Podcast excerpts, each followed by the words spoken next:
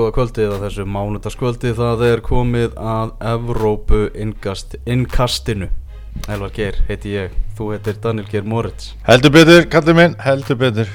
Ah, Það var svolítið þungur í þessum uppásorðum Já, Var ekki, var ekki gaman, þú varst nú á landsleik. Ég var á landsleik, ég var að sjá, sjá stelpunar okkar vinna 8-0 sigur á, á, færiðum með því ekki svo væntum færiðar Já, mér líka. Það er kannski svona ástæðan fyrir því að, að ég er svolítið þungur í, í uppæðum Það er svona gaman að sjá Ísland vinna og svona en, en færi skal líða svo ógeðslega lélegt og, og við fórum svo illa með það eitthvað mér fannst þetta, fannst þetta hálf vond sko. Ég hef skorað skallamark í færi Já það? Já, það er nefnilega þannig að Sandavúður er vinabæjar neskjöpstæðar Já, og þannig hef ég farið nokkru sinnum í svona vinabæja heimsó þó sem úlingur og svona og við spiliðum náttúrulega við færingarna fótbalta og ég skoraði með skalla. Já ok, það er flott hjá þér. Heyrðu það er búið að vera nóg að gera hjá þér Núna upp á síkasti, þú ert að skipa að tónleika Já, það er óhætt að segja. Hérna, En láta gamlan draum rætast Það hérna, skipuleikja tónleika og vera með jólatónleika uh, fyrir þá sem vita ekki að þá hérna, var ég að semja jólalög á sínum tíma.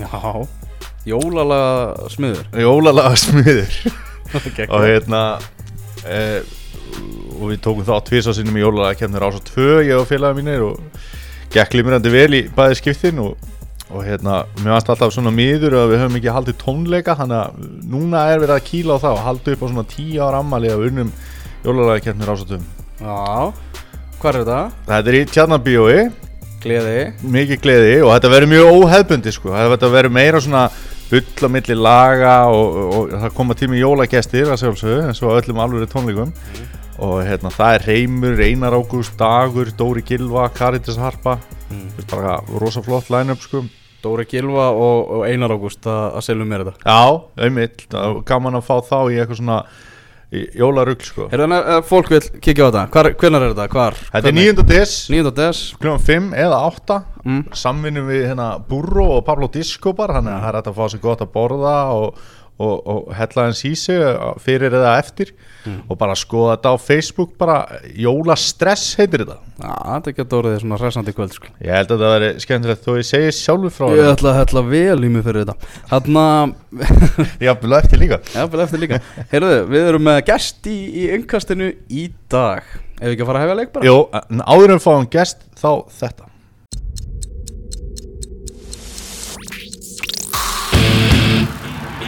Innkastið. Fótbolti.net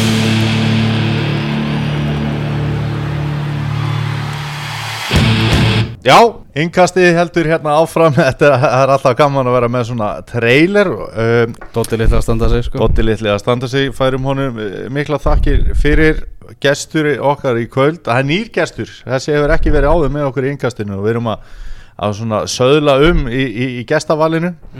Haldur Martinsson, Já, blessar, vertu velkomin takk fyrir það. Hvernig hefur að kynna þig, þú ert einn af rauðu djöflunum á Íslandi. Já, já, reitstjórn Rauðu djöflana og, hérna, písla höfundur á, á, hjá tólfunni og, og svona bara fótbolta áhuga maður. Ertu ekki bara svona fótbolta nörd, veist, þetta er bara það sem þú ert mest til í að nördast í. Jó, þetta er eiginlega, maður er svona alltaf verða meira og meira Og ég, maður er farin að panta sér bókasendingar af Amazon og ég veit ekki hvað og hvað sko með einhverju svona sagfræði tölfræði bók, bókmentum og hérna. Þannig að það, það er bara gaman sko þetta Já. er bara, þú veist, ef maður fær meira innsinn inn í boltana þá hérna og meira grúsk þá bara þeim er skemmtilega verður þetta, finnst mér. Og þú ert náttúrulega ekkert að fara í felur hvert er þitt lið í ennska boltanum Nei, nei, það er bara Manchester United að maður skrifar hérna á rauðudjöflandi.is og, og hérna það bara, jú, jú, það, það er ágætlega skemmtilega þess að dagana að halda með þeim sko. mm, Já, þeir eru svolítið, svolítið góður Gætu við fengið bara tveggja hesta ymmi millir mannsæstir liðana á, á þessu tímabili? Það gæti alveg gerst og það, maður verður að segja að það er, það er líklegt en, en sko maður er kannski, ég veit ekki hvort að ég sé ennþá full brendur af vangal eða sem er bara svona eftir förgi Já, tímanum að hérna ég þór ekkert að ég, þor, veist, ég, hef, ég hef bara ógeðslega gaman af því hvernig liðið er að spila þessa dagana. En hérna það er, það er stutt í að maður svona sé pínustressaður eins og þú veist bara núna um helgina þegar það var 1-0 það var mjög stutt í að maður bara svona æ, ætlar þetta að vera svona leikur? Já. Eða, þú veist, æ, hvenær kemur jöfnumarkið æ, Já. þú veist síðasta tímabil var náttúrulega svolítið það, það var þannig, mjög sko. mikið þannig sko, og, og, og, hérna, og þá hef, þess, þessi leikur hefði endað 1-1 í fyrra það er Mm. bara þannig, og hann, og hann gerði það í rauninni hann endaði 1-1 í- þessi sami leikur sko. en, Mm. en hérna Já. en þú veist, þannig að bara þú veist, vissulega eru líklegust eins og staðin er núna Já. en þau byrjuðu bæði vel í fyrra og, og Chelsea til dæmis byrjaði ekkert sérstaklega vel í fyrra en svo bara small þetta þú veist, það, það, breytum taktík og- já, ef, Já, ef þú dettur inn á réttu formúluna nærð svona líkilmönnum upp og nærð að halda góðri rútínu og góður önni þá í rauninni geta öll þessi, hvað segir maður, top 6 lið gætu lent á svona rönni og hérna þá er það bara, eins og segja, spurningum þú veist, það er- það er mik mismikið til auðvitað.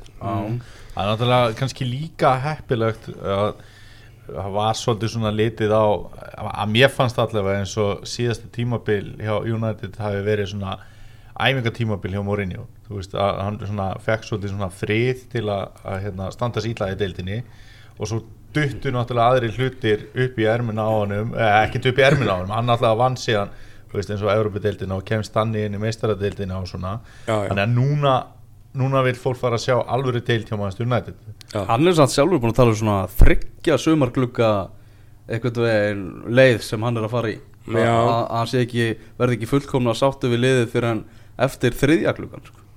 Já, hann er búinn að vera svolítið duglegur að sko ekki kannski draga úr liðinu en svona uh, svona kannski setja væntingar í ákveðið samhengi bara þú veist að vera ekkert að fara að þú veist að því hann hefur alveg tekið svona tímabila sem að þú veist bara eins og hann kom til Chelsea já, sko, já. þá þegar hann kom til Chelsea í setnarskiptið þá sagði hann alltaf á sínu fyrsta tímabili að hann ætlaði að vinna á næsta ári já, já, já, einmitt og gerði það sko. Þú veist, þannig að en það sem ég ætlaði líka að koma inn á ég meina leikja niður um Manchester United til þess að stilla saman nýjar áherslur hún hefur náttúrulega verið gríðarlega heppilegi upp að mót bara búið að kemja mútið já. lélugu lið eins og, styrur sem annar að liða að segja. Já, já, bara lélega, það er náttúrulega, jú, jú, það er ekki með hver, hver, þú veist, það eru þetta öll lið að fara að vinna Swansea eða, eða hérna, Everton eða, eða eitthvað, sko, já, jú, jú, þetta er, s- ég meina, þú veist, jú, jú, meina sér bara algjörlega, munurinn sem Liverpool er búið að keppa Já, eða Everton. eða, já, eða Everton Þú veist, það er. já, já, þegar ég meina, jú, Þannig að- algjörlega, algjörlega, þetta er náttúrulega, þú veist, þetta er rosalega svona til þess að, til þess að fá svona fljúandi start þá hérna getur alveg verið spurningum að fá einmitt rétta leiki, sko, en, en Mm. er, svo er maður alltaf að býða, það er alltaf næsti leikur er fyrsta alvöru prófið eða, eða, eða eitthvað svona, þú veist, og ég meina, ég, ég finnst það svo sem alveg fínt á meðan önnur lið eru, eða, þú veist, á meðan ég veit ekki, blaðamenn eða stuðnismenn er United eða annar liða og bara sem flestir eru bara alltaf að segja já, þú veist ég veit ekki alveg ennþá með þetta, þá er Já. það bara fínt Já, meðan einmitt. United heldur bara áfram að þú veist, ég, þú veist þeir eru náttúrulega aldrei underdogs Nei. en þú veist, á meðan þeir eru svona uh, það er allir alltaf að býða eftir því að þeir fái alvöru próf já, ef þeir halda áfram að leik, vinna leiki já þú veist, þá má þetta próf alveg koma á endanum Já, sko. já, já, veist, það er alltaf nákvæmlega. Það er svolítið styrlað sko að Manchester City og Manchester United Þetta er svolítið að haldast í hönd í hönd í, í allir tölfræði eins og, eins og við vorum að skoða hérna fyrir þetta podcast áðan haldur uh, Liðin eru með pluss 14 í markatölu eftir 5 leiki og þau eru bara á, og þeir, þeir halda þessu áfram þá eru náttúrulega að fara að setja bara met í þessari ennsku úrvastelt sko já, já. Það, til að setja í samhengi sko, þá er þetta meira heldur en Celtic hefur í skosku úrvarsleitinni og þeir náttúrulega bara lappa yfir, yfir þá deild sko. Einmitt. var náttúrulega risa sigur á móti Everton um helgina sem var samt einhvern veginn svona maður var ekki alveg að sjá hann að leika enda svona stórt þar sem var náttúrulega bara lengi vel 1-0 eftir þetta geggiða markja á Antonio Valencia já, já. en svona það er ímsi menn að stíga upp þar á meðal Marwani fella inn í já. ég veit að þú ert aðdáðandi hans. Ég er, sko, já, ég hef, verið svona einmannalegt oft á fella inn í vagninu, vægast sagt, en, en mátt velja sæti. Já, já, já, það er hérna, hefur stundum verið bergmál hann inn í, en, en sko, veist, sko, ég hef alltaf kunnað vel við hann bara fyrir ástæða, sko, veist, hann hefur þennan karakter að það er aldrei, veist, sko, það er oft vesen í kringum hann, en hann er aldrei með vesen, sko, veist, hann bara sinnir sínu starfi, einhvern veginn, og þú veist, og, og, þú veist það er ekki tilviljun að, þú veist með núna þrjá stjóra fjóra þú telur Ryan Giggs með sem að kannski, þú veist, getum alveg sleft en sem að hafa, eru allir ólíki stjórar en hafa allir geta notað fella inn í og notað hann sko á mjög ólíkan hátt. Þú veist, og hann er svona típan sem að þú veist, hann hefur sko, hann er hann er ekki góður alliða fótbolta leikmaður en þó alltaf að bæta sig sko, í, þú veist, hann er alltaf að bæta sig finnst mér sérstaklega upp á því þessa tímabils í því sem hann hefur kannski ekki verið sérstaklega góður í. Eins og til dæmis þegar hann kemur inn bara móti Basel veist, það var bara flottu leikur bara alliða leikur veist, hann var ekkert, það var, hann var að gefa boltan hann var að dreifa spilinu Já. og hann var að sko, þannig að þú veist og svo hefur hann þetta þessa eiginleika sem að gera verkum að, að í ákveðinu taktískri stöðu þá er hann bara besta svarið Mhm. þú veist, og ég meina að hafa svona leikmann í hóp sem er aldrei með vesen alltaf góðu karakter þú veist, og maður mað sér það bara samherjar hans fíla hafa hann í sínu liði Mhm. Mourinho elskar hann þú veist, og byrja á því að bara fyrsta sem, eitt af því fyrsta sem hann gerði þegar hann tók við United að bara ringi hann og segja þú ert ekki farin þú veist, að Og hefur verið mjög duglegur að bakka hann upp þegar á móti bles og svona. Já, já, bara einhvern veginn uh, sko, þú veist, maður sá það alveg eh, fann alveg stert að Mourinho bara vissi nákvæmlega hva, hvernig hann gæti notað fella inn. En þú talar eins og með hérna, framfæriðnar hjá honum. Hann náttúrulega skapa sér sess í tíunni í ennska boltanum. Og veist, hann verður, Já, Everton, já, já. verður hérna, góður leikmaður í ennska boltanum í tíunni. Já, og uh, það þarf engan hérna, snilling til að sjá það að hann hefði aldrei verið nógu góður í tíunni hjá Manchester United. Nei, nei. Og þá var hann náttúrulega ætlað að spila aftar og það, það sem að leikmanni svo Mata og aðrir eiga frekar að vera í tíunni eða það er já, fullt af valmöguleikum þarna. Algjörlega. Þetta er bara allt önnur sexa eða átta heldur en við höfum séð nokkuð tíma náður Já, svo sér það, ég meina, þú veist, þú veist, bara líka getur talað um það að hafa bara option eða möguleika í þessu svona hólu hlutverki, eða tíu hlutverkinu. Mm því þú sér til dæmis úrslitaleikin í Evróputildinni þá er hann í rauninni að spila sem tíja og- en hann, sko, það sem hann er að gera er þá bara að vera uh, í rauninni, sko, hann var gríðarlega böggandi fyrir, sko, aftasta miðjumannin hjá Já. Ajax sem hann, hann lét hann aldrei í friði. Einmitt, og maður sá það bara á þeim að þeir voru bara drullu pyrraðir eftir leik að fá ekki að spila sinn leik. Einmitt. það var rosalega mikið fella inn í að þakka.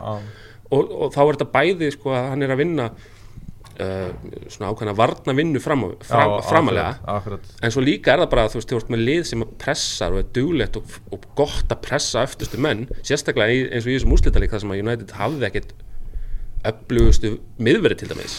Þú veist, það var Smalling og einhverju svona og meiri sér að Mourinho gerði grínaði þú veist, þeir voru ekkert að fara að spila þannig að Smalling gæti þurft að vera mikið með boltan í fætuna en þá höfðu þeir bara þetta option bara dundur honum fram og þú veist, fella inn í vann alla skallabólta sko. Eitt sem að ég hef svona sett smá spurningamerki við, við Manchester United sem að var náttúrulega líka stórt spurningamerki á Manchester City sem þeir fóru nú í að laga með fullta peningum í sumar. Bakvarða stöðunar Já, uh, finnst þér Manchester, Manchester United vera með heimsklassa bakvarði innan sinna ræða? Nei, í raunin ekki. Sko, Valencia er svona hann hefur verið að standa sér best. Já, ég, ég svona veist, hann, hann, þegar hann er á, á sínu bestu degi þá getur hann alveg verið svona í hópi með betri bakverðum í ennsku, ennska boltanum þannig lað. Mhm. ég myndi samt, ég ætti samt erfitt með að flokka hann sem heimsklassa bakverð En þannig lað, en hann, hann hefur bætt sinn leik og hann er vinnusamur og duglegur og, og bara, og náttúrulega getur gert þetta að, að, að þú veist, í rauninni e, vinna á öllum kantinum sem Já, þú þarft þegar með gaurið svo mata svona, eða einhvern svona sem er alltaf fljótandi inn á miðju sko. Mhm. þannig að hann svona getur sint í en þetta er svona, þetta eru klárlega stöður sem ég var til í að uppfæra svona með tímanum. Er, En að það er líka að vera svona spáði eins og með miðvarðastöðunar uh, Við þurfum náttúrulega ekkert að spá í miðjuna eða sóknatengilið eða strækjara ég meina, þú veist, Slatan kemur náttúrulega inn og, og Lukaku er fyrir og svo er fullt af möguleikum þar fyrir aftan. Já, en uh, mér, mér hefur svona fundist of mikið gert úr því að Manchester sé kannski ekki með nógu góða miðveri já mér finnst þér að fullt af flottum möguleikum, þar, ertu samanlega því eða finnst, ég er alveg samanlega því sko. mér Já. finnst, Bailey til dæmis finnst mér frábær þótt að sko, hann hefur svolítið slögt á sér hérna í stókleiknum aðeins það. já, Já. sem að svona ég veit ekki, það, var svona veist, hann er ekki hann, hann er ekki vanur í því, það er bara óskandi að þú veist, þegar hann gerir það sé ekki svona dýrkeift þú veist. Svo finnst mér sko, svo ég hef alltaf verið hrifin á Jones, bara helstu vandamáli við hans, að hvað mig var þar þótt að reyndar hann heldur ekki átt eitthvað stjórnuleikað móti stók en þú veist, mér finnst það samt góður í fótbolta og góður þú veist, það er bara spurningum að ná að halda sér heilum og lengi og það var náttúrulega mjög aðtæklusvert að besta miðvarapar mannstur United í fyrra var Rocco og Jones. Já, já, ég, sko, veist, þá allt í henni small vörðin þegar það voru komnir svona að, eða svona jafnvel bara það sem maður var farin að hugsa sem einhverja grínkalla sko, kannski sérstaklega með Rocco. Já, hann náttúrulega en svo á hann bara geggja tímabil. Já, og mikill missir af því að, að, að þegar hann mittist og hefði verið flott að hafa hann núna í, í byrjun tímabils ekki að maður kvarti þú veist, undir, undan framistöðri en hérna tímabilið er langt og, og, og þannig sko. Já, en hann er mitt, þú veist, hann hefur sko þú veist, hann er rosalega góður karakter líka. Þú veist, maður hefur séðan, þú veist, hann er alltaf að, að tala mikið við, þú veist, hann er mikið að stjórna í vörninni sem að Já, maður, manni finnst einhvern veginn hinir í vörninni ekki hafa. Þú veist, það vantar svolítið oft finnst manni þennan karakter og það kannski var það það sem að small þegar hann datt hann í, í miðja vörnina. Já.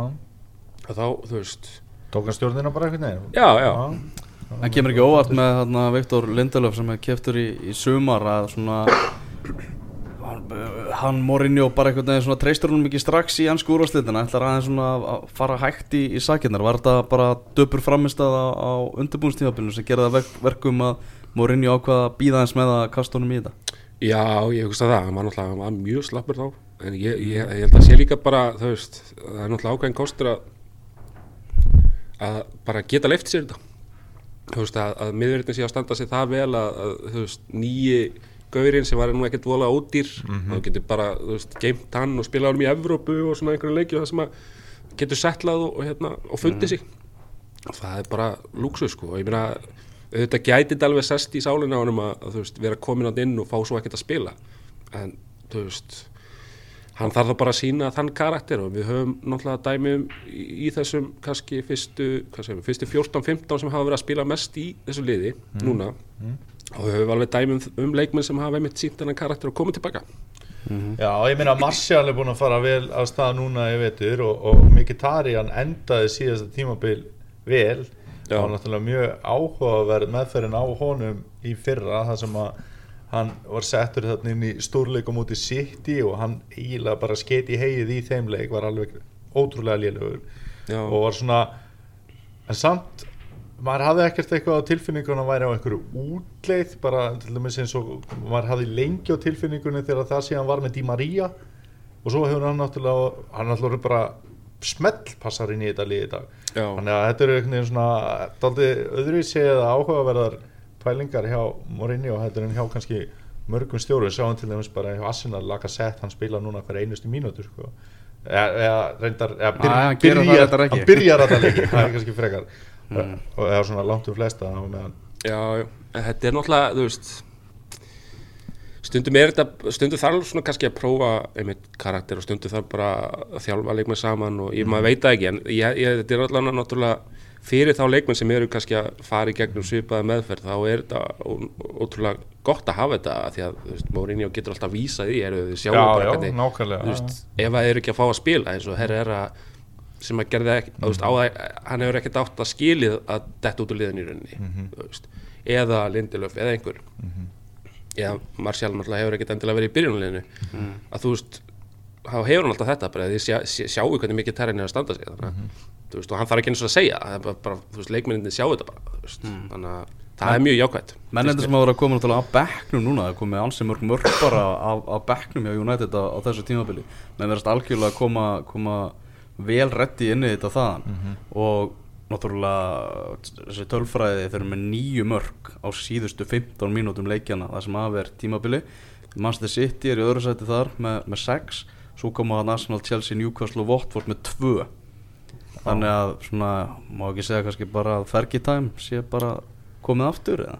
Jú, þetta er einmitt veist, bara, maður er komin aftur með þessa, þessa hérna, tilfinningu að bara, þú veist, já, það kemur mark, sko, það bara, veist, og þetta er bara, það, virðist vera bara,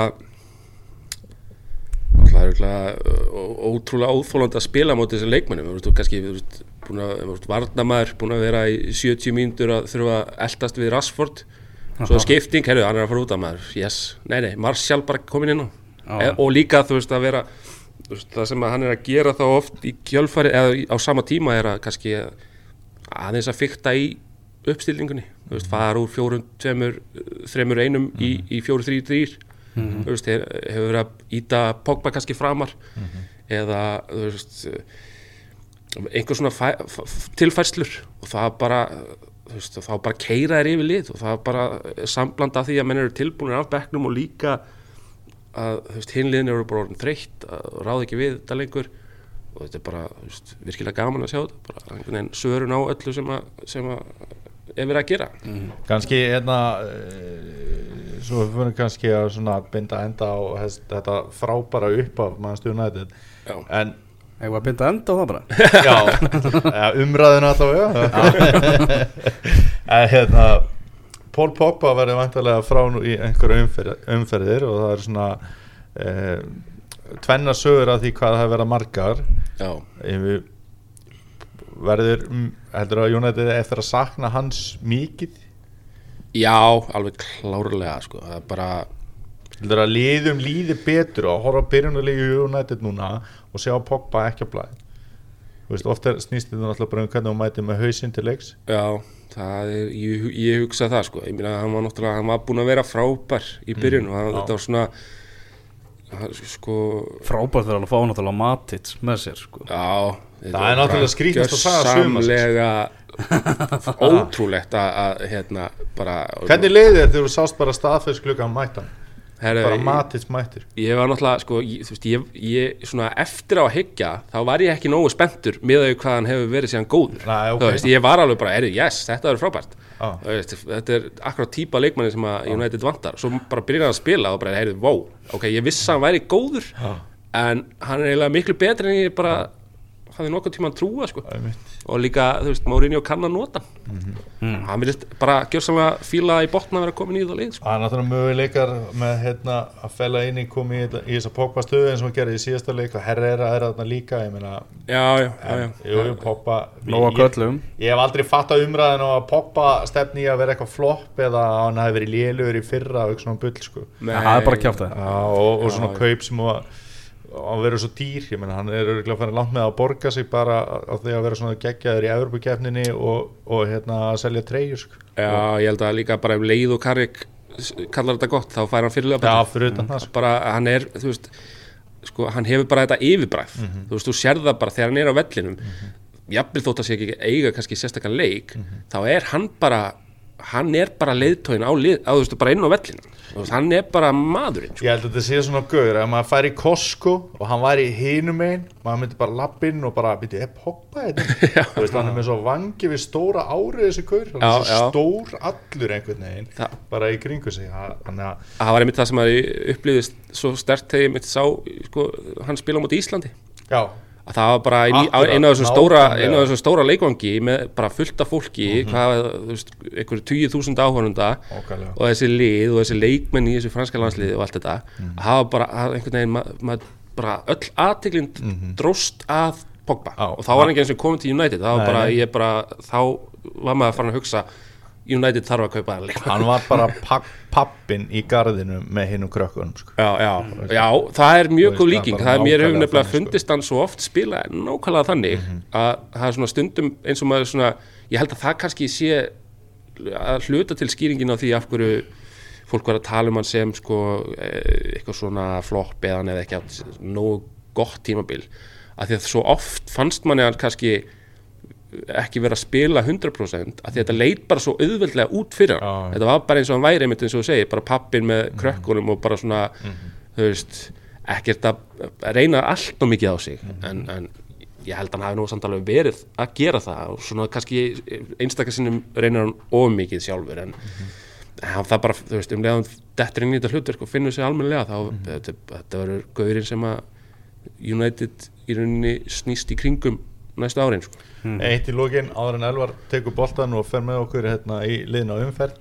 Þú ert að fara tökum dæmi, þú ert að fara á morgun í Jóa, Jóa útherja, kaupa United treyju hver fyrir á bakið?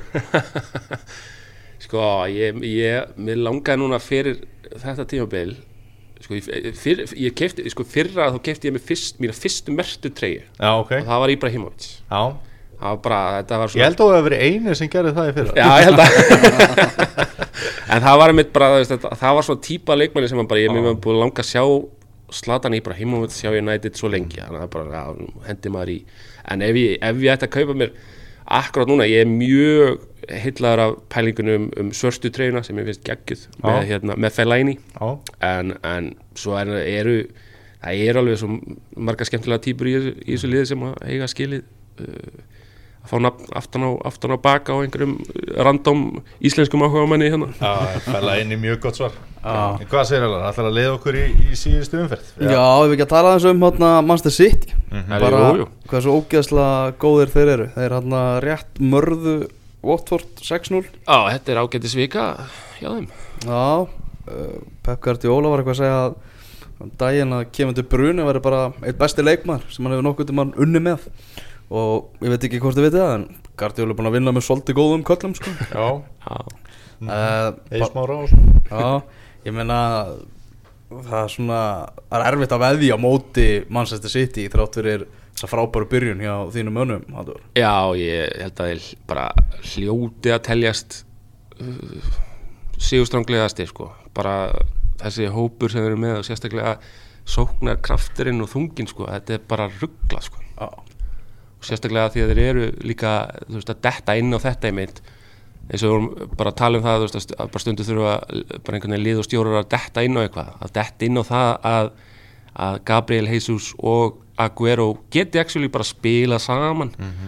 Það hérna það, geti, það eitt og sér geti farið langlegina með bara að hérna tryggja þeim allan svona bílstjórasætið í þessari baróttu og verðist í byrjun sem að sem að Guardiola sé búin að finna rétta markmannin sinn, Já. sinn markmann. Já, Já, hann hefur komið virkilega vel inn í þetta og, og hérna fekk, fekk hérna í, að því að í þessu mani hérna slísið þarna um daginn að þá beindist náttúrulega öll aðtöklin á mani og hvernig hann bar sig að því gleymdist kannski að tala um hvað gæinn var hugaður að, fara svona út í hennar bolta. Já, já. þannig að hann er alveg mættur Þetta er bara gauður sem lætur sig vaða Þetta í er, já, allt. nákvæmlega, þetta er bara geggju típa til að fá í ennska boltan, það er bara ekkert kjaftaði og hann ætlar að eiga tegin og vel fyrir Já, utan líka- það líka. líka, líka fyrir utan það þú veist, leikurinn, leikurinn breyttist með þessu rauðaspjaldi að þá náttúrulega var þetta líklega bara að bjarga marki þessi skalli Já, nákvæmlega, það var bara, nákvæmlega. þetta, var, var svona bara goal saving header, eða þú veist, hvað, ég veit ekki alveg hvernig maður segja á íslensku en, en það, það er bara, þú veist það er einmitt akkurat, Algjörlega sammála. þannig að maður skilur það að hann hafi Með að við líka sko ennsku blöðin þá virkar þetta topp maður sko. Ég sá hérna, var eitthvað að fá sér að borða um daginn Býr ennþá á okkur hóteli í Manchester. Fór eitthvað að fekk sér að borða og þá rakst hann á einhverja stuðningsmenn Og hann bara var hérna að tjatta við þá bara í róliheitum og, og, og svona ekkert að, ekkert að æsa sig sko. Já. Þannig að þetta er svona, þetta er, já, hann er að smell passa Það sem er líka mjög aðtilsveit með City, svo tökum það líka að í þessum 6-0 leik þá eru fjóri leikmenn sem að skora fyrir þá. Sani er líka múin að skora það er að koma mörkur öllum áttuðum Þetta er bara svo valur. Já, já nákvæmlega nema kannski hérna, en, síðan ennþá betri framherjar með að við deild. En hérna það ef þeir eru að fara að fá veist, ég geti trúa að þetta brúni verði með svona hann verður með svona átján stóðsendingar eða eitthvað. Já, Silva líka. Silva, Já. Silva með tvær hérna í þessu leik.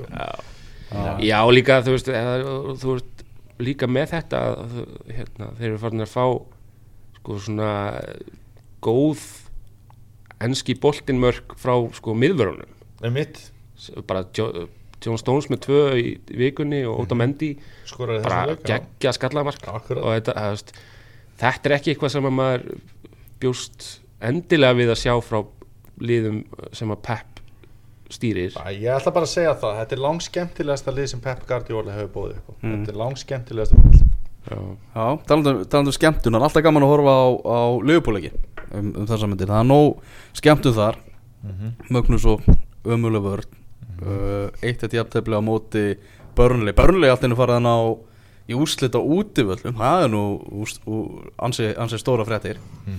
Það kloppu fengið svona sína gaggrinni fyrir svona allar þessar róteringar og breytingar sem hann er að gera þú veist á miðvarðaparinu, á markverðinum og, og að gera sjö breytingar frá meistaradeildinni yfir í úrvalsdeildina þegar sko þú ert að fara í viku núna með deildabikarin sko. Það sem, þú, það sem þú getur verið að kvíla menn sko ef á þarf að halda. menna Vænaldum er til dæmis ónotaði varamæður í þessum leik.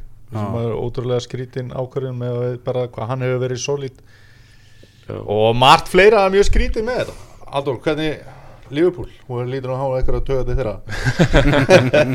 Sko, ég er náttúrulega bara eins og við allir. Já, já, já, ég, ég get alveg sínt þessu fullan skilning að það getur verið pyrrandi að mæta börnlegi á, á heimavelli eins og eitt af þessum fáu stigur sem að börnlegi náði í á útivöllum í fyrra komið mitt á Old Trafford í ævintýralegum leik sem að var eiginlega brautnast í höndina á Tom Heaton sko. já, sáleikur endaði hvað 0-0 eða ekki? Jó, að það var ennþá yktara dæmi heldur en þetta sko, en, en, en Vá, það Þetta- var rosalegu leikur sko. Já þannig að ég maður bara hötti Magg var að lýsa þessu sko og hann var í háa síðanu bara allan tíma og þetta var 0-0 0-0, já. Þannig að hérna, sko, þú veist en þetta er náttúrulega það sem að gerir enska boltan svona magnaðan, það eru þessi úrslit það eru bara, þú veist ef að lið sem að börnlega er ekkert lélegt lið. Nei, þeir eru bara, þeir bara spila sinn bolta og gera það bara mjög vel og hérna hafa bara gameplan sem að, þú veist, ekkert allir eru endilega hrifnir af því að horfa á frekar en kannski boltan sem að Pep býður upp á. En, en ég maður getur ekki annað en dást að þeim liðum sem að ná upp svona baráttu ég meina, þeir, þeir, svo hefðu geta, þeir hefðu geta stólið þessu í lokin.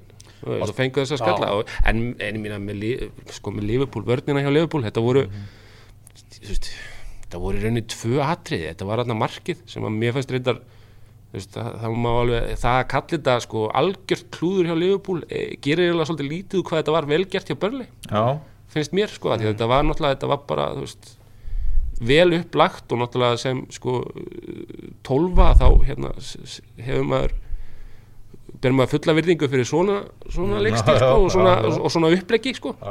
En, en, en svo náttúrulega kom hann atrið, atrið setna í leiknum sem að varnæstu því að segumarki á bönlið þegar þeir fóru þarna saman í bolta var það ekki Klavan og, og Kahn? Jú, gáfu hotspinnu þegar það var engin nálætt þeim það var rosa samskiptaurðuleika þar maður. það var eiginlega verra en það, en það var samt eiginlega eina sko, kannski verulega klúðrið þannig að Þannig að sóknin var miklu frekar að klika í þessu Já, miklu frekar og þá síndi það sig að hérna, með alla þessar leikmenn sem að, ég meina, þetta eru skemmtilegi leikmenn eins og Sala og, og hérna, náttúrulega voru með Coutinho sem að kannski náttúrulega er ekki alveg komin í nóg gott leikform. Fyrir minni og stöður fyrir Mino sem að, þú veist, en, já, Sturridge. En það bara síndi sig að, þú veist, þeir kannski sakna manni og mikið. Já, í svona leik, ég meina, hann- þú veist, það verið allt annað fyrir börnlega að þurfa líka að eiga við hann, sko. Heldur betur. Vindum okkur yfir í, í móteri á Manchester United í, í síðustu umferð, Everton. Þetta átti að vera tímabilið það sem að Everton átti að geta kjátt við stóru strákana. Verið bara með þeim út af, út af velli og staðið sér vel. Þeir eru búin að tapa samtals 0-9 gegn Tottenham, Chelsea og Manchester United. Já, uh, Krísufundur hjá þeim fyrir leikinu á Manchester United ef við getum kallað það þannig þar sem að bara helstu leikilmenn Everton voru bara bóðaður á, á fund með, með stjóranum og það var bara svona jæja strákar nú þurfum við nú bara að fara að gera eitthvað sko. svo kemur þessi skellur á móti móti Manchester United þetta er alveg, þetta er hörmuleg byrjun hjá Everton Já, þetta, þetta er svo sem kannski, ég veit ekki, haf, maður svona var búinn að sjá svo sem að það væri einhverjar viðvörunar bjöllur um það að þú veist, þetta væri, það, þetta væri að mörguleiti áhugaverð kaup sem það væri að gera en kannski vantaði ákveðin element, veist, vantar svona menn til að brjóti þetta aðeins meira upp sko. Já. með meiri hraða kannski já, eða þú ert með einhvern góðan eins, sko, eins og hérna, eins og bara Gilva að, veist, hann var oft í þessu leik, þá var hann oftast bara komin út á kantinn hafði bara náttúrulega bakvörður sko. Já, og maður vissi ekki alveg sko, veist, hann, hann, var svona, hann var svo í- rosalega illa nýttur eitthvað. Og Mér- þá vantaði þessi, eitthvað, eitthvað, svona öðrísi til þess að svona annarkvort stóran mann til að gefa á eða, eða fljóta menn eða eitthvað. Mér fannst bara, þegar ég horfði á hann að leik að hann var, hérna hann var, jú, Pickford vissi hvað hann átt að vera. Já, punktur það var engin meðvitaður um sitt hlutverk í þessu Evertónlið í þessum leik Nei. og þetta var bara vandræðilegt allt uppleg, öll varnavinna og jú, jú, þeir voru náttúrulega óhefni, Rúni var mjög óhefni með að skora ekki og, og, og veist, sjá, maður hefur aldrei séð Gilva svona tíndan eins og í þessum leik hann vissi ekkert almennilega fannst manni svona sitt hlutverk Nei. og hann og Rúni hérna reyna að senda eitthvað á milli og og, og svo hérna Íbrisa Gei hérna fyrir aftan veist, átti hann að koma með eða ekki og svo kom kemur Miralas inn á sem hefur nú einmitt ver- verið stundum með þessi leikmaður sem vorum að tala sem þið voru að tala um hérna þessi sem getur svona sprengt aðeins upp og eitthvað veist, hann var alveg hörmulegur. Þetta lítur bara drullu illa út sko. og, lí, og líka þú ert með sko, þú veist, þú ert með þessa miðverði, þú ert með flotta miðverði. Já, en þeir hafa ekki hugmyndu hvernig að spila í þryggja miðverða kerfi. Þetta myndi mig á þegar að- þetta myndi mig svolítið á þegar að hérna, Van Gaal kom til United og var eitthvað að reyna að spila með þrjá miðverði og maður sá bara að, að leikmennir þeir bara hva, vissi ekkert almennilega hvað er hægt að gera. Já. og, veist, og þetta er mikill munur á því eins og þegar við vorum að tala um að, að, eins og þegar Chelsea datt inn á þryggja miðverða kerfi já. þá er bara, veist, jú, þessi, þessi leikmenn geta spilað í þryggja miðverða ég meina og pæli líka og berða líka bara saman. Ég meina hvernig típa af varnamanni er Cesar Aspuluqueta hvernig Já. típa af varnamanni er David Luiz? Og hvernig típa af varnamanni er Gary Cahill? Þeir eru allir mjög ólíkir. Svo ertu með þarna Evertónverðina hvernig típur eru Keane, Williams og Jaki Elka? Já. þeir eru nokkuð áþekkir. Já, ég meina ætti að geta mynda tveir af þessum þremur eiginlega alveg sama alveg. alveg sama hvaða tveir af þessum já. ætti að geta mynda flott miðurapart ekki spurning. Mhm. en auðvitað svo með vantar Baines líka þú veist, Já, já, bara allt í einu þarf hann að fara eitthvað að vera sko vangbakvörður akkurat sem sem að hefur bara- verið sko virkilega solid. besti varna bakur, eða bara besti bakur segi ég, bara ég sagði deild í tíu ára eða eitthvað sko. En þeir sakna náttúrulega rosalega Simus Kólman líka það er náttúrulega hérna, stór stór leikmaður hjá þeim og, og hérna hann náttúrulega oft, oft á tíðum verið nokkuð eftirsóttur en svo náttúrulega líka var mjög leiðilegt bara fyrir ennska boltan þessi meðislega Jannik Bólasi því að það er leikmaður sem að hérna, glæðir svona leiki lífi og hérna, það verður gott fyrir Evertón að fá hann inn en það verður að fara að komast eitthvað skipula á þessa spilamennsku. Maður verður bara svona pyrraður fyrir þegar að gilfi og félagar maður er alltaf pyrraður þegar gilfi og félagar er í ruggli saman hvort að það er Swansea eða Tottenham eða, eða hérna, Evertón eða hvað það er sko. Tala ekki um ef að íslenska landsliðu hitt á maður vestur sko en hérna við höfum nú reyndar ekki mikla reynslu á því að Gilvi og félagar þegar það er landsliði sé miklu vissin en maður vil fara að sjá betri fótballta en þetta hjá Evertón Já, en svo er þetta kannski, ég meina kannski er þetta bara ákveð svona á, á, ákveðin hátt gæti þetta verið jákvæða því að það var farin að byggjast upp rosaleg pressa og svo fá þeir þetta svinslega erfiða leikjaprógram til að byrja með já, her, já og það svo er kann, rétt. þá, þá kannski fá þeir bara svigrum þegar pressan og væntingarnar eru ekki eins miklar eftir þetta væntalega að kannski að lauma sér í að þú veist, taka stig og sigra hér og þar og svona lauma sér þá inn í að ná rithma í veist, og, og þurfa þá ekki að vera þú veist, eins og maður var fann að sjá að, að, að, spekinga voru að segja sko ef að, ef að Everton er ekki topp fjórum þá er þetta vombriði sem er galið sko, alveg sama um, um, um, eðsluna sko 0-0 endaði á brúni þegar Chelsea og Arsenal áttust við þínum menn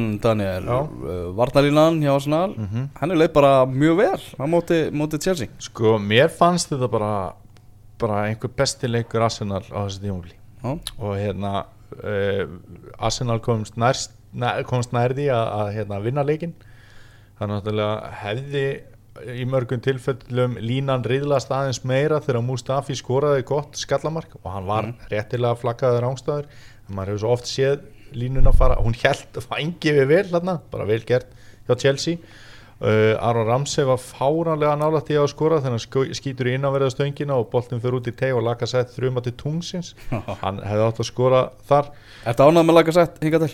nei, Nei. en ég er samt alveg þólumóður sko. ég, er, ég er ekkert eitthvað ánaður en En hvernig ertu, hvað, hvað veist þú um Kóli Sinak? já, ég er mjög ánæður með hann Já, en með sóknarmenn og Arsenal ég, mér, ég hugsa bara ég fer alltaf í það hvað týri hann rífa lengi að fara í gang þannig að ég er alveg rólegur sko. rólegur en hérna, hann var náttúrulega glataður þegar hann byrjaði hjá Arsenal og svo restis history sko. en bara ég átti ekki von á punkti í þessum leik og, og hvað þá að, að hérna, Arsenal væri það lið sem var nærði að vinna. En á tvent sem maður langaði að tala um með hennar leik það var hérna að David Lewis fekk rautt spjald og hann fekk réttilega rautt spjald fyrir fáránlega tæklingu. Uh, það var aðtök fyrir leiknum þar sem hann tók hjólhestaspinnu eða svona bakfallspinnu einhverja og sparkaði í hausinn eða allavega svona mjög ofarlega í Koscielny og þá voru hérna logaði allt Twitter samfélagið að, að þarna hafi bara komið guld og það var svolítið mikið verið að vísa þá í þetta með sæt og manni um daginn sko. Vá. uh, Michael Oliver var að dæma hennar leik og hann gerði það upp á tíu þetta var aldrei rautt spjald og David Lewis fyrir þessa bakfallspil það er mín skoðun og það er ekkert hægt að bera saman þegar þú stimplar eitthvað í andliti þannig að það þarf að sauma veist, 13 spor eða eitthvað eða eitthvað svona bakfallspilna þar sem að þú, þú getur náttúrulega ekki fyrir að fyrsta ekki stimplað mann með bakfallspilni og hann fekk dæmda á þessu aukarspilna og guldspjald þú veist, það var ekkert eins og hann hafi komist upp með þetta sko. þannig að mér fannst það bara uh, vel gert. Hitt aðviki var, nú, nú ætla ég að fara með ykkur í smá reglur að nú var hérna reglunum breytt fyrir síðasta tímabil í ennska boltanum. Já, og þetta var í raun og veru prófað í Íslandsmótinni í fótbolta held ég alveg örgulega og eða tekið inn síðasta sumar. Þá var þetta þegar hérna, leikmaður fær guldspjald fyrir brot. Að sá sem að liggur eftir eftir brotið sem er sem sagt brotið á hann á ekki að þurfa að fara út af vellinum ef að sá brotlegi fekk guldspjald mhm, þá má hlúa að leikmanninum inni á vellinum og hérna svo þurfa bara sjúkra þjálfarnir að fara og leikmann þarf ekki að fara út af og fá leifi til að koma inn Já. af því að eh, þarna er verið að svona minka hagnaðin í því að brjóta illa mhm. Já.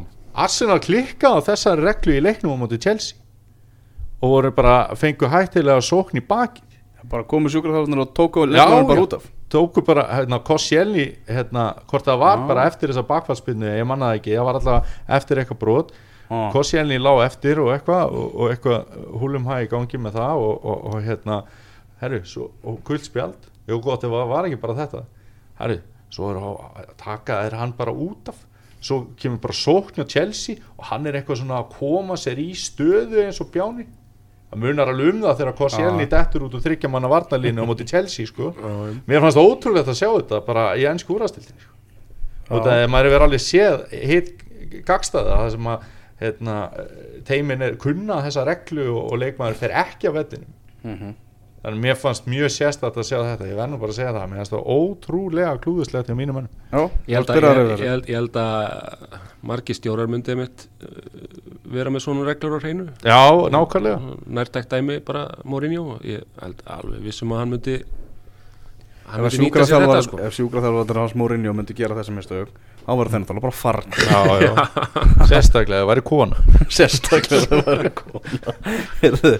Sáþantón var 1-0 út í sögur á móti Crystal Palace. Þannig að Crystal Palace setti met. Mm -hmm. um að Rói Hodson Mhm. verður hann ekki bara næstu stjóri til, a, til að fara?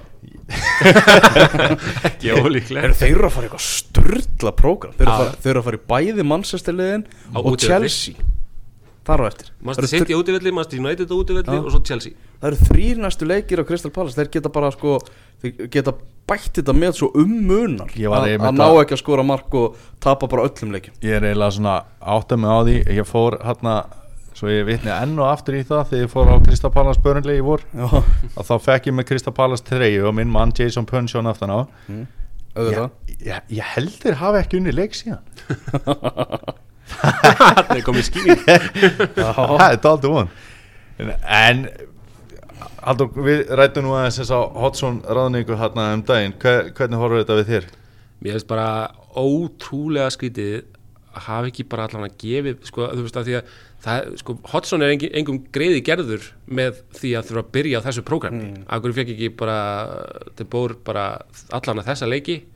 Og þú veist þá geti allan að Hodson komið inn í svona ekki þetta skelvilega prógram því að ah. nógu er erfitt örugglega að koma inn og taka við þessu þótt þú, þú, þú horfir ekki að svona leiki framöndan sko. En fyrir hérna bara svona mikinn fótbolta unnanda og, og ég lefum mér að segja fótbolta nörd í jákvæðri merkingu eins og við erum nú búin að Er breyta fótballtanart eitthvað mann neikvæð? Nei, bara nörd var einu sinni neikvægt orð Jaha, löngu Það er alveg, já já, bara svo það sé bara er alveg er komið ást- fram sko. ástríðu fullur áhugi nákvæmlega, nákvæmlega og að nördast er bara þetta skemmtilegsta sem maður gerir Já.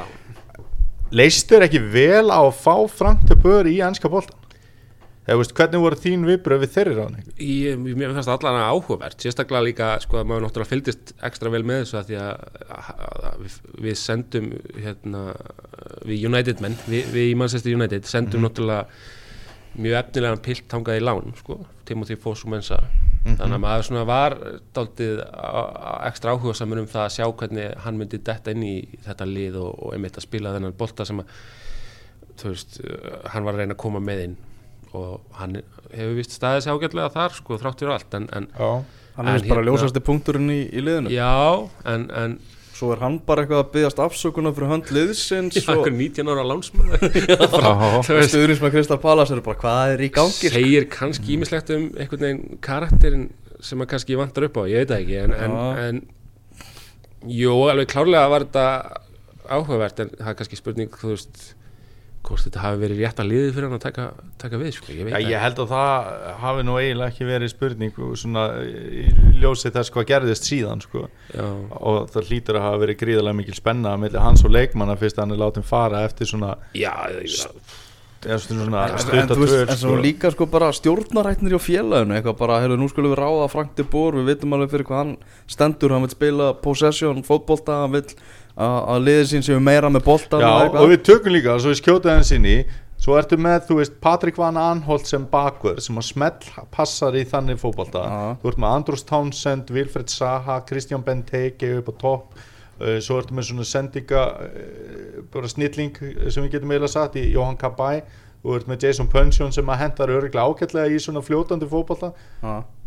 ég meina veist, það var alveg eitthvað það var alveg eitthvað til að byggja á með svona pælingum. Já, en síðan bara tekur stjórnir bara, heyrðu, þetta er ekki að ganga. Þá bara förum við bara alla leið í hináttina og bara hendum okkur í hendum okkur í, í, í Rói Hótsson en hérna, ég veit ekki, ég hef ekki mikið álit á, á Frank de Boer mér finnst svolítið svona mm árang, þjálfar árangur í, í, með Ajax í Hollandi. Ég held bara því miður að það sé svona mm, ekki mjög mikið hægt að taka með af honum sko. Nei, einmitt. Það er alveg svolítið þannig, heyrðu En maður er samt líka lítast staðins af því veist, hann kemur náttúrulega úr eh, Tómas og Hollendingur, þá er hann náttúrulega var holdgerfingur Barcelona í mörg ár, fyrirliðið þar og, og hérna, þó hann hafi verið miðverður og, og, síðan- og bakverður þá hérna veist, það var alveg eitthvað að hlaka til svona aðeins að sjá þetta en, en þetta var náttúrulega bara ömurð eftir þannig og hérna ég held að ég ekki eftir að batna og þegar þú ert með svona stjórnamenn eins og hjá Krista Pallas og Paris og félaga já, nákvæmlega og hérna, ert með líka svona klúb eins og Krista Pallas, ekki Mm. bara þú veist, það eru bara að tala um klúbin sjálfan þá finnst mér ekkert fáralegt að velta því upp hvort að Rói Hodson sé í heitasta sætinu sko. Við sáum náttúrulega hvað gerist hjá Sonsi í fyrra og það, það hérna, Já. kom hérna grínkall í, í nokkrar umferðir og hann var látinn fara og það var rétt ákvörðin þannig að Vörður mann dag, hann kom hann að spilaði eitthvað tíu mínútur í þessu leik, komin úr, úr, skammarkróknum. Mhm. þannig að það er nú eitthvað sem að sáðundum menn geta glaðst yfir. Uh, annars var að gerast uh, Jordan Ibe fyrirleikmaði Liverpool.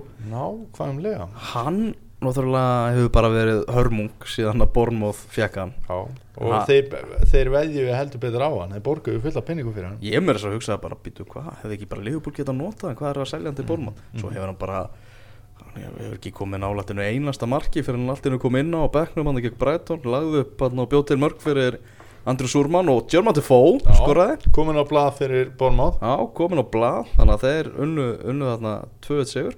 Já, þetta líka voru ekkert það, þú veist, þessar stóð, stóðsendingar hjá honum voru líka ekkert, þetta var ekkert eins og þetta væri bara eitthvað þetta var ekki grís. Nei, bara, nákvæmlega. Þetta er eins og hann væri Sérstaklega sendingin á Defo fannst mér sko að Já, algjörlega þetta var eins og Þetta var eins og þetta væri bara maður sem hafði spilað með þessum gaurum bara í mörg ár. Mm Þetta var bara þeir vissi, vissi nákvæmlega kunnu inn á hvern annan sko. Þetta var bara þannig fannst manni sko, hvernig spilamennska var og hérna bara, bara virkilega vel gert. Newcastle vann stók þrý seguleikir í röð hjá, hjá Newcastle. Já, hann komnir í topp fjóra. Já, bara byrjaði að tapa tveimuleikum í röð og menn voru bara eitthvað, jæja, hvað er að frétta?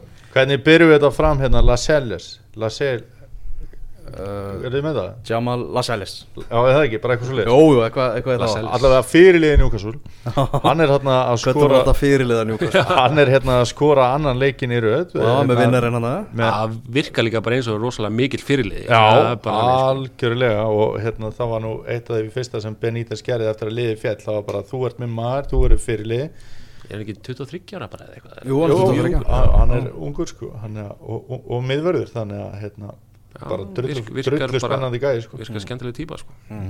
Tottenham og, og, og Swansea gerðu markalust jafntefli á Wembley leik sem að Tottenham átti bara að klára.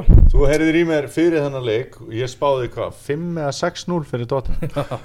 Ég held að þarna myndi flóðgáttir opnast og Harry Kane skaut einu sinni slánanast í af markinu, hann þrumaði svo fast í slána sko. Áttu að fá víti í svona leikaldi líka. Þú veist, Þetta var ekki lélögu leikur á Tottenham, þetta eru ótrúlega lélögu úslit Já, þetta var bara Þetta er bara ótrúlega lélögu Þetta er svona eitt af þessu sko eins og bara þú veist, bara eins og stuðnismenn detta í að bara að þetta er einn af þessum leikum eða þetta er típist eða eitthvað svona. Já, að það, þegar það vart komið með einhvern, einhvern svona sögutráð eins og að, að hérna, það sé einhver bölvun á Wembley að þá fara bara hlutinir einhvern veginn að spila inn í það. Og ég meina þetta var bara eins og þegar fóru að sapnast upp öll jafnteflinu Old Trafford í fyrra hjá United. Og eins og þegar verður þessi umræða um hvað vörðin hjá Leopold sé glötuð þú veist, þótt hún fá ekki á sem endilega mörg mörg eins og sérstaklega ánfíld þetta er bara þetta, einhvern veginn tilfinningin verður svona og þá er oft, oft þetta þessi hlutir fylgja þeirri tilfinningu en, en Já, mennum að mann bara eftir eins og Emirates umræðin í Arsenal sko.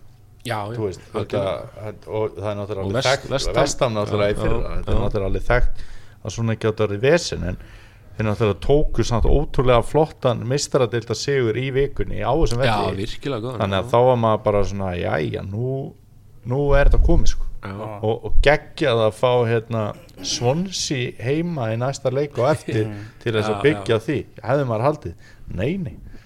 Og Reynóttur Sanchez hann fær hérna lof fyrir sína framistu í þessu leik. Ok. Þannig að hérna það er bara gaman að því. Já, í fyrsta leiknum hjá hann þá bara var smá sjokki bara hvað sjálfströðsleysið verðist vera algjört hjá hann sko. það er allavega, hann, hann er aðeins að, að stífa upp tvær vondafréttir úr, úr Championship-deildinni Cardiff að, að gefa eftir eftir þess að mögnuðu byrjun. Er búin að tapa núna tveimur leikjum í röð, Aron Einar og, og félagar. Og Harry Redknapp rekinn frá Birmingham. Já, og jafnvel bara hættur í bóltanum aðleðilegt eða kannski þurft að kaupa nokkra menni í viðbót í sjö sumar. menn í viðbóti eða en ég meina hann ég, fekk bara lausan tauminn og bara breytti öllu liðinu og var sem bara rekinn. Já, ég, ég, ég er með smá kenningu á þessu um þetta. Hann náttúrulega, það er búið að eðalega glukkadaginn Já, það er ég með þannig að nýju hva- reglunum já, Hann hefur, ekkert að gera hann hefur ekkert að gera. Mjög að góð bara, þetta er bara hann ákvað að taka eitt síðasta svona með látum og, Já, hérna, og hætta bara go, já. go down bara, nákvæmlega sko. hann- hann hefur ekkert að gera sko. Nei. Já, Það er engin sérstakki punktar sem ég er með úr, úr, úr Evrópuboltanum annars ég, ég veit að dómara myndbannstæknin á Ítali og Þískalandi var enn og aftur að bjóða upp á eitthvað bull og, og eitthvað tafir. Við erum búin að ræða það eða, eða nóg. Það er í þessari viku. Það voru að tala um að það er verið að spila í, í törskuteldinu og, og Þísku búndaslíkunni í meðri viku. Og minnum kannski aftur á hérna, ja, hvað hefur byrjað að sína frá ítalsku deildinni Já. og í opinni dagskrá. Á Sport TV þannig að hérna, hægt að finna þetta á afröglurunum og, Aha. Og, og það sem er í gangi um, um næstu helgi það er uh, Southampton Manchester United. Herru, já, það er spurning hvort á að, það? það teljast vera nógu stórt próf, það er kannski fyrir tíkan að fyrir bera leikurinn eða eitthvað, ég veit það ekki. Já, Ég, mætir, þetta verður áhugaverð mætir United bara ekkert góðu liði í ára? Jó, næ, oktober það er hann að spurning hvort að Pogba verið komin inn Já, þegar að fara á veitu, já það er Leicester Liverpool í deildaböggandum á morgun já, og svo mætast í deildinni á lögadaginn já double header Já, bara líka á, á King Power að geggjaði Já. bjórleikur hérna að lesta Liverpool setnipartin á löði sko. já, Já, og það voru eitthvað þystur Nei, ég, bara, ég var að tala um fyrir aðra sko. Svo á mánudeginu þá er eru þínu menn, á móti Vestbrómins Albion Já maður sé eitthvað svona að- það er ekkert svona Þetta er mjög leiðileg umferð bara svo það sé sagt sko. já, sitt í Crystal. Palace. Það er Vestham Tottenham. Þetta er ekkert svona, þetta er ekki stórleikja umferð sem er framöndan næstu, næstu velgi Já, fyrir utan kannski hérna Burnley Huddersfield. Já, kannski fyrir utan það. Þannig við tökum okkur bara frí næstu viku. Við erum ekki með ekki með Evrópa yngur, jú, jú, við mætum. Já, já, það á eitthvað, eitthvað mjög resandi eftir að, eftir að gerast í þessu Haldur, þú ert annars kátur? Já, já, bara feskur Léttiljúur og kátur. Við Já, bara, bara þakkum þér kærlega fyrir, fyrir komuna og bara heiður að hafa þig. Takk fyrir að bjóða mér. Og mjög notalegt og, og, og hugulegt Ekki að enda þetta óska bara val til hamingjum í Íslandsmeistara Gerum það